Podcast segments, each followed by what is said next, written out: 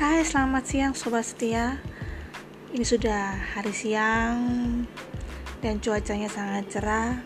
Semoga kalian bisa beraktivitas Yang ada di rumah Kalian bisa menikmati Selama pandemik ini di rumah Dengan keluarga Maupun dengan kesendirian.